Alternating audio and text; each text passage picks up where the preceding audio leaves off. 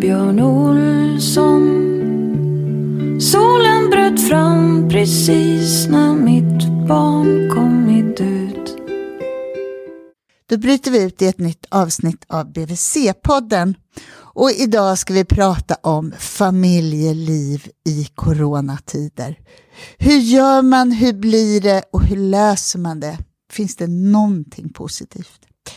Jag heter Malin Bergström och är barnhälsovårdspsykolog och idag pratar jag med Nina Thomsen som eh, också är barnhälsovårdspsykolog men också är mamma och hemma just nu med eh, en 11 månader, en treåring, en tioåring och dessutom har vi ett barn som vi inte får hem för hon bor växelvis och hon får inte komma till oss för att vi utgör en smittrisk.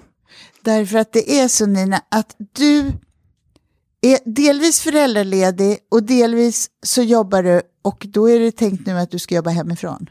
Mm, precis, och det ska min eh, sambo också göra. Så ni är två vuxna som jobbar hemifrån. Och är det så att de tre barnen som bor hos er är sjuka, alla tre? De har varit eh, sjuka i omgångar. De små framförallt har varit rejält dåliga. Eh, även min sambo har varit rejält dålig och där är det ja, då misstänkt just corona utifrån hur det har varit på hans arbetsplats. Eh, Vår tioåring har hållit sig ganska magiskt frisk, men vi vaktar ju som hökar på henne, så så fort hon sjunger falskt till frukost så är hon ju hemma. Eller är lite för trött, ja, då får hon vara hemma. Så så är det. Och sen hade ni en i förskoleåldern, var det så? Ja, treåring. Och hon har ju i princip alltid hosta, för hon har det där som kallas falsk krupp tror jag, och kanske någon slags misstänkt astma. Så, så här års och ja, på hösten också så hostar hon egentligen jämt. Och det betyder att hon har varit hemma? Och det betyder att hon har varit hemma. Men hon har också varit rejält, eh, hon var, var rejält dålig.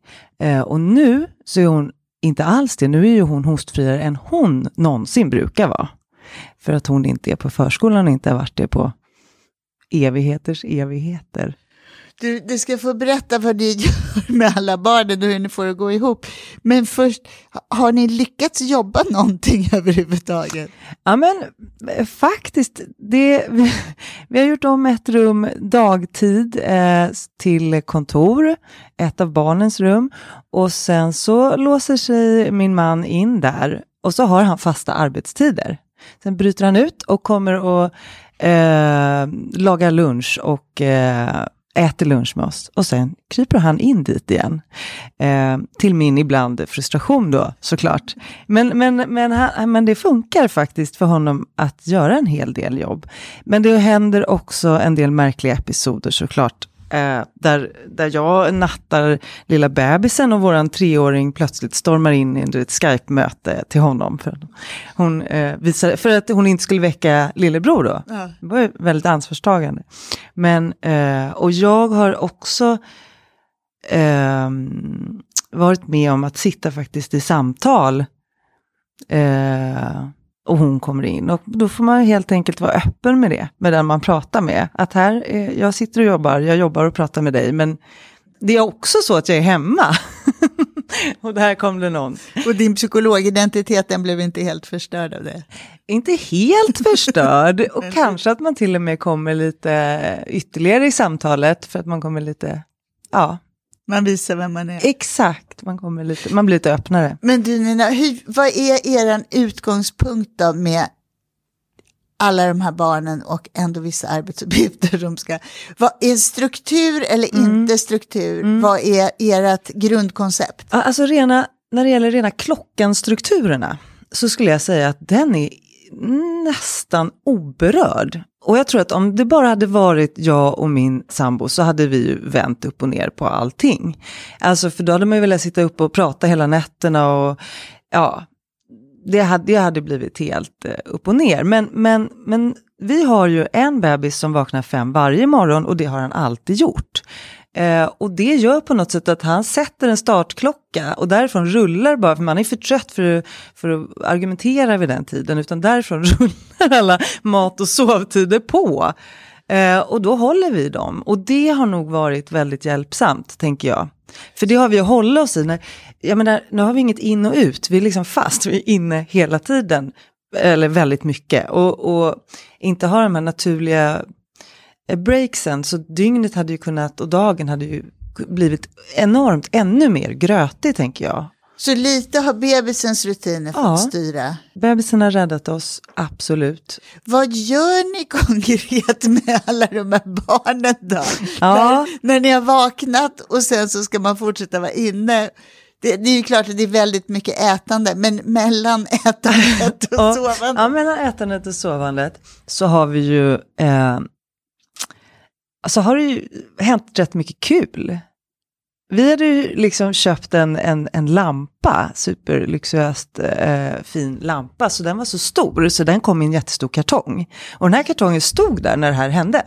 Den skulle ju bara till återvinningen, hade ju åkt rakt ut om det inte var för, för att vi blev fast där. Och nu är ju den istället eh, ett pågående projekt. Så den har ju blivit en koja som man bygger om och bygger ut och målar och pyntar för varje dag. Så det, den, man vet ju inte hur det här kommer den går nog från koja till slott, skulle jag säga. eh, och den kan byta, den kan flyttas runt och den blir olika saker, till exempel. Så den, Den har eh, spelat en väldigt den har spelat en roll. jättestor roll som man ju, annars hade den varit glömd för väldigt länge sedan Coronalådan. coronalådan. Men sen är det faktiskt också att vi tar oss ut, utomhus. Alltså vi har, det här har ju fått ända nu, vi är nyinflyttade, vi hade bara kartonger på våran eh, balkong, men den är ju nu eh, iordningställd. Då hade vi vi fick vi liksom arrangera, det var ju som en rena Mission Impossible, liksom en kompis som kom och hämtade mitt lägg som jag hade spritat och sen åkte och hämtade ut grejer på eh, liksom eh, varuutlämningen, click and collect. och sen kommer de här dumpe, dumpade trall och lite möbler utanför vår port. Och så har vi gjort, så att det här med balkong är ju, det, det, är, det är fantastiskt. Men också att vi faktiskt kan numera våga oss ut, när de inte längre ligger hemma med 40 graders feber så kan vi faktiskt gå ut i skogen för att vi hann flytta. Innan bodde vi i stan. Jag tänker, jag jag lider med de som bor i stan och kommer ut och rakt in i folkhavet. Det gör inte vi nu. Så det, det är det som möjliggör för er Det är att det ta er utanför Ja, balkongen. Och då är ni verkligen. i skogen. Då ramlar vi rakt ut i skogen. Ja. Ja. Och vad gör barnen där? Är det så där som man...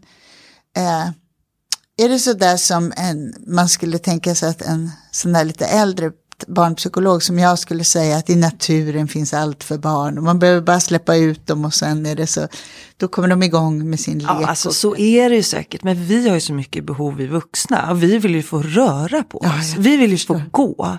Så de här stackars barnen, de sitter ju fängslade i sin dubbelvagn mest hela tiden. Och får åka med.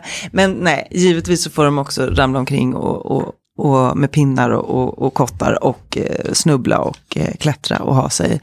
Eh, och eh, erbjuder ju också oss den, den här att komma från, sti, från, från vägen och in i skogen på ett annat sätt som man sällan gör som vuxen. Eh, vår tioåring liksom drar ju bara mig och vi tycker ju det är urtrist att liksom gå på den här platta elljusspåret utan vi ska ju in i skogen och det är ju, det har hon ju helt rätt i. För då får ju kroppen den här varierade rörelsen som man imiterar på ett gym eller så, i, på ett sa- satspass. Utan liksom man, man får den där rörelsen när man är där. Så det är faktiskt, ja skogen har väl allt De på sätt här- och vis. De här mat och sovtiderna som ni, Mm. ni nu styrs av utifrån bebisen, är den här skogspromenaden eller skogsleken, är det, infaller det då på bestämda klockslag? Eller Nej, det har vi ingen struktur för, för det fanns ingen. Alltså jag tänker att vi, är- vi är lite grötiga av det här i huvudet, eller inte lite utan mycket. Och jag, jag ser inte att vi lyckas skapa jättemycket nya rutiner, vilket jag skulle kunna tänka var bra för oss. Men jo, de här jobbgrejerna då, de har ju blivit till. Och det, jag tror på sikt så blir man ju tvungen att skapa nya rutiner. Men det är därför jag tror att det är väldigt bra att vi har de här grundrutinerna att hålla i, för det tar lite tid. För det har tagit tid också att ta in, alltså det är så mycket information och det är så mycket plan som pågår. Och jag tror att vi faktiskt är lite förhöjd beredskap allihopa, eller i alla fall vi vuxna. Eh, du menar av oro? Liksom? av, av, ja, av en hel mischmasch med känslor som är ganska osorterade. Liksom, jag tror att det är ganska många känslor som rör sig, som det, som det gör vid liksom, lite krislägen. Att man, det är många känslor som drar förbi och byter av varandra fort och liksom inför, även om de kanske inte överväldigar oss just nu, så, så tror jag att de är där och påverkar oss. Känner du att det smittar av sig på barnen? Alltså, ja, gör Jag tänker det det där, det är svårt att hålla fokus när man Mm. är... För jag tycker både de här känslorna du pratar om, men det är också det här stora informationsinflödet Mm, exakt. som man blir så väldigt Ja, trött av, ja. jag. Att hela tiden Ja. få ny information som man ska omfatta och så Ja. till slut. Ja. Måste jag veta om det Nej, är och så 14 var det absolut i början. Då var ju vi liksom, eh, jag menar min sambo han lyssnade väl på nyheterna på alla språk. Alltså det blev ju, vi bara slukade ju den här informationen och, och helt plötsligt var de här telefonerna liksom framför ansiktet och våra barn reagerade ju då Absolut, där var ju liksom förhöjd konfliktnivå och eh, allting bara höll på att knaka. Men då, eh, det, det har vi fått reglera helt enkelt. Så att, så att nu har jag, det är Folkhälsomyndigheten som har valt en dagstidning och då får jag hålla mig till, till de källorna. Och så på att vi har två gånger om dagen som vi kollar. Och här tänker jag att vi har hjälp av att vi har de här, alla de här barnen. För, för de kräver ju att vi är här och nu. Och då är det lätt lättare för oss, när vi väl väljer det, att, att eh, vad heter det, att distrahera oss.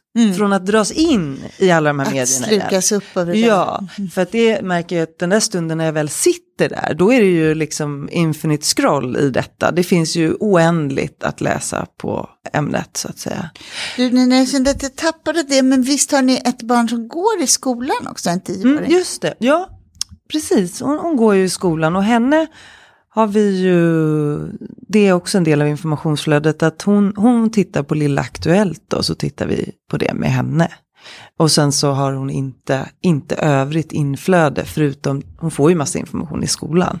Men hur är det så för henne att hon går i skolan och sen ska hon hem? Hon ska, man ska inte vara på fritids nu för tiden, man Nej. ska inte leka med kompisar eller? Ja, precis. Det, eh, det är ju, alla, alla förhåller sig väldigt olika skulle jag säga, men, men, men vi vet att skolan är belastad.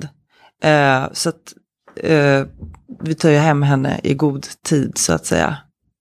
Eh, och sen så, i och med att vi har haft de här sjuka barnen och Victor varit sjuk så är, ju, ja, så är hennes kontakt begränsad med. Men hon har fått träffa en klasskompis utomhus. Så. För, eh, och det tipset tror jag jag läste från någon dan, liksom dansk... Eh, I informationsflödet. Ja, det var någonting som dök upp. Men just att man, att man kanske har två eller tre barnkompisar som man har kontakt med under den här tiden utomhus. Och då tänker jag att det är väl smart att ta någon som hon ändå träffar i skolan. Så, så, så har vi tänkt. Du, du sa att ni som föräldrar gärna vill röra på er. Och Ja. det är ett stort, för jag tänker det både har ju att göra med när man är så här uppfylld i huvudet av dels massa känslor men Ja. också den här informationen.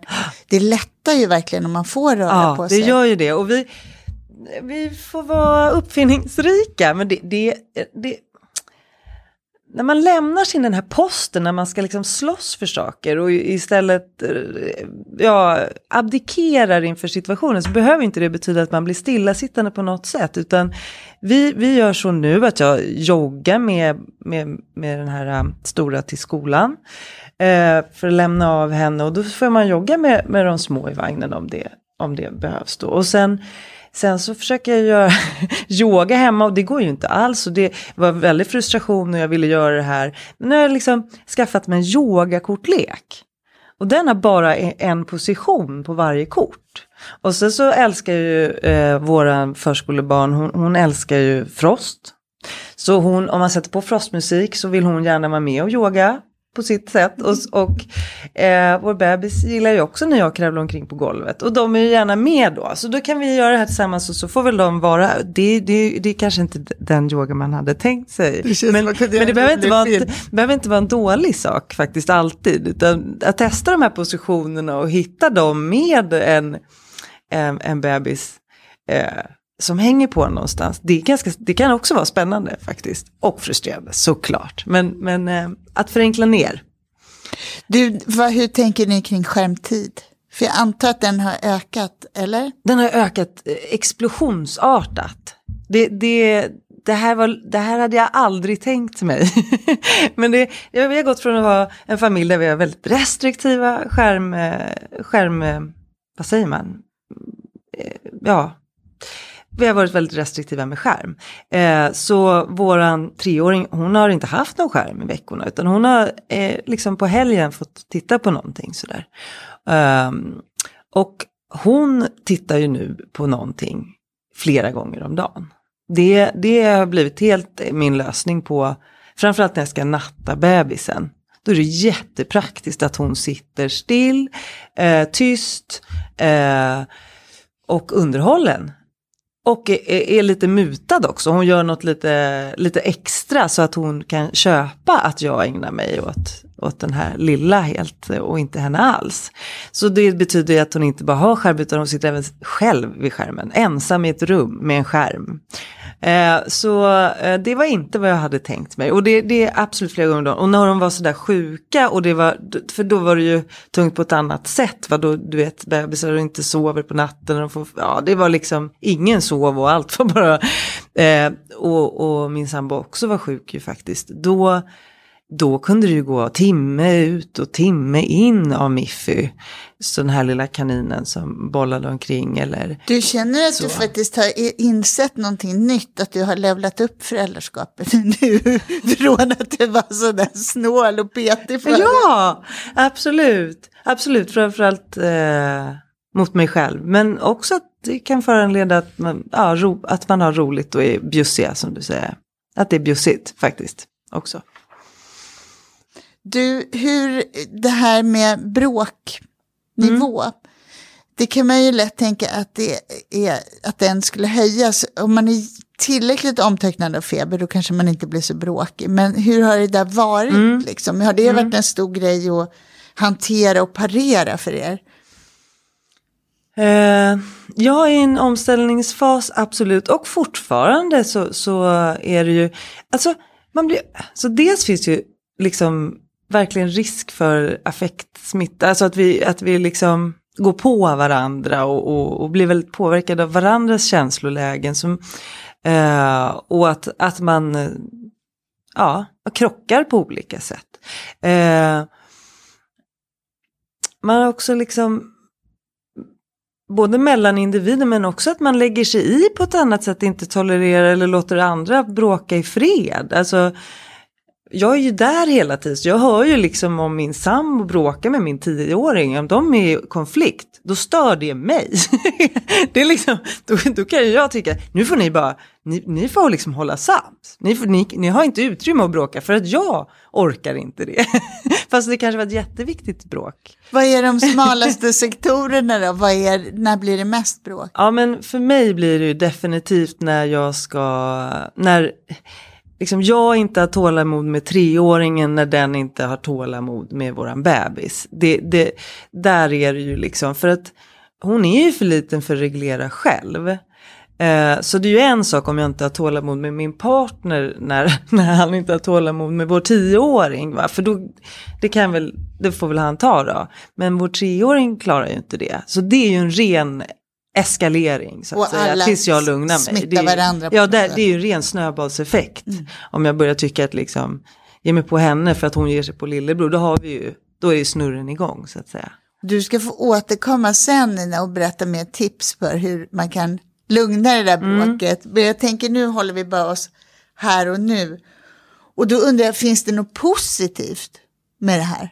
Har, har, eller, Mm. Jag menar inte att du ska liksom tillkämpa att krama men ut någonting. Det är ju så här att för att säga det så måste jag ju påtala hur privilegierade vi är. Alltså vi är ju kanske den mest privilegierade sorten i den här situationen. Vi kan jobba hemma, vi har inte jobb som kräver att vi går iväg till arbetsplatser, vi är rädda att bli smittade, vi jobbar inte tungt och överbelastat inom en vårdsektor på det sättet. Eh, det, mm, ja, vi är grundfriska och så vidare. Eh, så att det är utifrån det jag då talar, utifrån vår specifika och väldigt privilegierade position. Och då, därifrån så finns det ju rätt mycket som är positivt med det här. Vi får ju jättemycket tid tillsammans, på gott och ont. Alltså hur frustrerande den är så är det ju jättelyxigt att få vara så mycket med sina barn. Och att liksom, ja, det blir ju en helt annan kreativitet och att få komma ut i skogen eller att vi får pynta på balkongen eller skriva meddelanden till alla grannar med gatukritor på parkeringen. Eller, det är ju väldigt härliga saker som vi gör tillsammans. Eh, så. Jag tänker vår tioåring fyllde tio år. Så hon är precis nybliven, dubbelsiffrig och det var ju här, ställa in kalas liksom. Det var absolut besvikelse. Men jag tänker hon kommer aldrig glömma sin tioårsdag. Hon kommer aldrig glömma att farmor och farfar stod på parkeringen nedanför balkongen med en cykel och, och, och mm. sjöng. Det kommer hon aldrig glömma. Eller att folk bara liksom facetimade i parti och minut. Eller eh, ja, det hängde paket på dörren och det... Ja, vad fint. Så trots att det inte blev något kalas så blev det en... Det blir ju minnesvärt. Ja. ja. Mm. Du, jag måste bara fråga mat. Mm. För jag kan tycka att till exempel mm. sommarloven är det värsta mm. med alla barn hemma och man gör inget annat än laga mat. Hur gör ni? Jag lider med dig, men jag lider inte själv. Jag har löst det här. Så, nej, vi har löst det. Eh, så att det faktiskt är, det är min partner som lagar nästan all mat. Just, just nu, av olika fördelningsskäl så att säga. Det är en fördelningspolitik i hemmet som har lett fram till det här.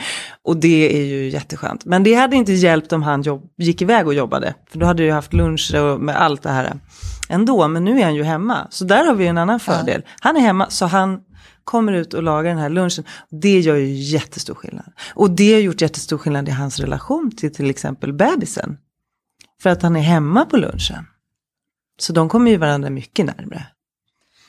Men du, hur är det med, för det ett, ett av era barn bor hos sin andra familj, mm. därför att hon eller han? Hon. Hon fastnade där när ni blev sjuka mm. och kunde inte komma hem. Nej. Och hur länge sedan är det?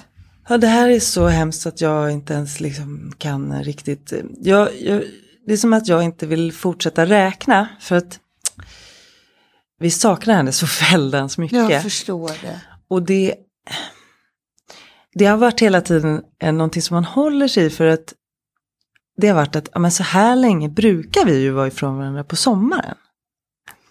Eh, så att, och, och, det är som att nu börjar vi närma oss den gränsen där det faktiskt inte är så längre. Och då är det som att jag inte vill, det brukar vara tre veckor. Eh, och det vill inte vill man inte riktigt kännas vid känner jag. Eller mm. jag vill inte det. För det är, min lite, det är lite min tröstesten i det här. Mm. Att ni är vana vid tre veckor. Ja, det, det brukar ju vara en positiv sak. Utan att det är omständigheterna som är det tokiga i det här. Liksom. Men nu är det så att hon inte, du har inte träffat henne på tre veckor Nej, drygt. så är det. Och du vet inte när ni kan ses igen?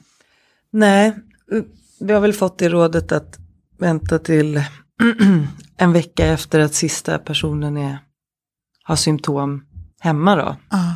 Ifall det är något som smittar runt sådär. Och förstår hon varför hon inte får komma till er? Det gör hon. Det gör hon, men hon saknar också oss mycket. Hon är nio snart. Mm. Det är hon. Och hon saknar sina syskon och hon saknar er. Ja. Det gör hon verkligen. Och nu har vi börjat, eh, vi, vi har sett på Facetime hela tiden. Eh, men nu så, så har vi börjat med promenader också på, på håll. Men det, det är ju jättekonstigt att inte... Ja, du får inte krama henne? Att inte kramas, nej precis. Så det går inte att göra med en treåring. Jaha, så ni ses utomhus och håller mm, två en meters avstånd? Ja, precis. Hon har, hon har precis testat det här. Så, ja. Mm, ja det är ju, men vi kände att du, ja ändå. Och jag tänker att det, så här sitter nog många barn mm. strandade ja. hos en av sina båda familjer ja. i Sverige. Men det som är fantastiskt är ju att hon ju är ju eh, man, man, vill ju ha sin flock samlad när det är någonting och hon saknas oss något enormt. Men vi vet ju att hennes flock är extended, hon har en större flock och, och det är den flocken hon är hos. Så hon är ju helt trygg och omhändertagen. Och det är ju, eh, det, är ju det som, som är absolut viktigast, såklart. Mm. såklart. Ja. Du, vi ska runda av, men jag ville fråga dig om, vi pratade lite om hur man reagerar som vuxen, man har massa information i skallen och en massa känslor och så. Men hur har det varit för barnen då? Jag tänker treåringen kanske är liten, men Mm. hur har ni liksom, har barnen varit oroliga och rädda när ni har varit sjuka allihopa? Oroliga tankar på att det inte ska gå bra eller har ni andra släktingar som de är oroliga? Hur, hur är det? Mm. Ehm, de, de uttrycker faktiskt inte så mycket oro så. Samtidigt så, så den som uttrycker mest oro när det gäller corona, det är faktiskt eh, det barnet som inte är hemma hos oss just nu. Och det, det stämmer ganska bra med hennes ålder, tänker jag, att det är lite mer orosålder. Och sen så, hon, hon kan också vara den som är lite, lite oroligare sådär. Och sen kan det också vara lite läskigare när ens familj är sjuk om exakt. man inte är där. Exakt, hon kan ju inte se. Mm. Så det, det tänker jag gjorde en stor skillnad för henne. Men eh, våran äldsta då, hon, hon uttrycker inte så mycket oro. Eh, men det märks ju väldigt påtagligt att hon följer de här eh, hänvisningarna, eller de här reglerna och det här att hon håller på att tvätta händerna och sånt. Det, det märks ju väldigt tydligt att hon tar det här på allvar och det tänker jag signalerar ju att hon är ju alert, eller hon är liksom aktiverad av det här. Eh, att hon accepterar sådana saker som det här inställda kalaset och sådär. Även om hon såklart uttrycker besvikelse så är det ju en helt annan acceptans än om vi skulle säga att nej det är för att vi inte vill eller det, ja. Så även skolbarn kan på något sätt vara lite mogna i förhållande till, Mm. Mm. till rådande omständigheter. Hur är det i er större familj? Har ni äldre släktingar Mm. som ni inte får träffa och som också liksom har, där kontakterna har förändrats just nu? Ja, verkligen. Eh, vi har ju vi har ju dels har vi min sambos föräldrar som, som bor i en annan stad. Så att då är man ju också det här med att inte resa mellan regionerna. De var förbi med den här cykeln som sagt. Men då, det var ju ett så här övervägt beslut att de kunde åka utan att stanna eller träff, ha kontakt, sociala kontaktytor. Så de åkte Eh, ganska många mil för att stå åkte- under en balkong ja, och vinka och lämna det. den där cykeln. Och det var hur mycket värt som helst och det är så fint så att man smäller av. Mm, och sen har vi min mamma som jag liksom blir lite orolig för för att jag tycker att hon jag tycker hon borde hålla sig inne mer helt enkelt. Och det, jag förstår att det är svårt för henne. Hon vill gå och jobba, hon jobbar i en skola och hon tycker att eh, det är viktigt såklart, såklart. Men jag är ju mest orolig för hennes skull. Men sen är min pappa är, är dement och han, han bor på ett eh, boende och där är det någon som har blivit smittad som ju inte är kvar då på avdelningen. Och så sitter man ju där och väntar ut eh, det här eh, tiden för att se om det är någon mer som har blivit smittad. Och då tänker man ju på honom och det, det är ju det är ju komplicerat överhuvudtaget att ha dementa närstående. Eh, Och det är ingen som man kan facetima med eller så då Nej, förstås. det är ju lurigt alltså. Det, han har fått en slags telefonkontakt som vården har då och sådär. Men det, det, det är ganska svårt. Eh, och sen tänker man ju såklart på den vårdpersonalen. Eh, på boenden, att det, kan, det, det måste vara tungt. Mm, det måste vara tungt. Mm. Du Nina, vi ska runda av. Finns det någonting som du tänker så här, det här har jag kommit på som jag vill skicka med till andra? Jag tänker särskilt på den här coronalådan, en stor, En stor kartong. Ja, men det, den är en bra symbol för det som jag tänker att jag uppfattar i det här. Och det är verkligen hur mycket jag känner av det här, vikten av att vi ser till att ha det härligt tillsammans. Det är faktiskt det absolut viktigaste i det här tror jag. För vi så, det, ja, det här rör om oss alla på olika sätt och så. Men att fylla på med mycket kärlek och roligt och, och bjussigt. Ja, det, det är absolut det som jag tycker att jag tar med mig. Jag hoppas att jag kan hålla i. Ja, vi hoppas att du kan hålla i. Tack för att jag fick prata med dig idag, Nina. Tack så mycket. Så bryter vi ut från det här avsnittet.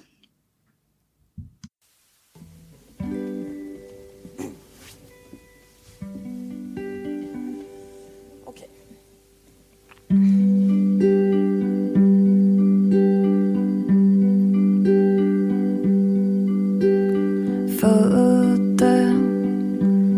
barn till Björn Olsson. Solen bröt fram precis när mitt barn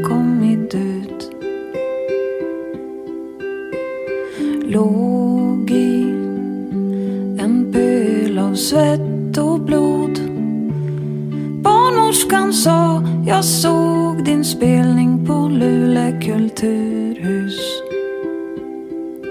Hörde fåglarna sjunga om vår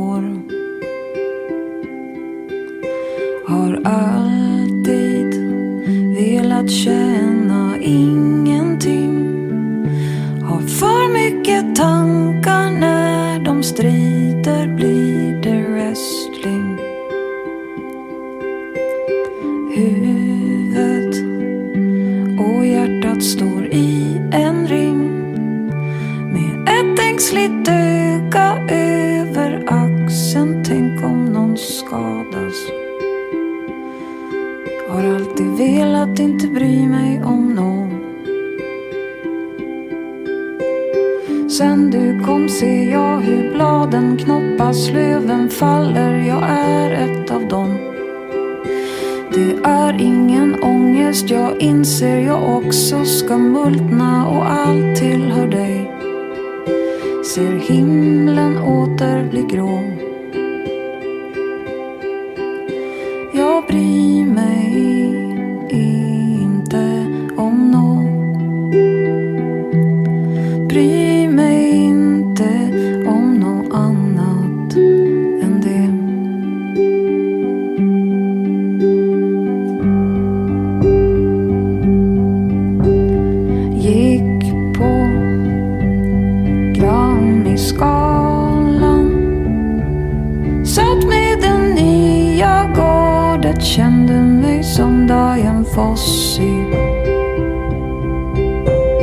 Hjärtan banka högre än trummorna Fulla tjejer fick pris För tio år sedan var det fulla killar Ibland händer det något ändå. När du kom sluta musik vara rangordning, vill sjunga tillsammans med dig. Allvar. det är allt och jag som spelar till. Och jag förstår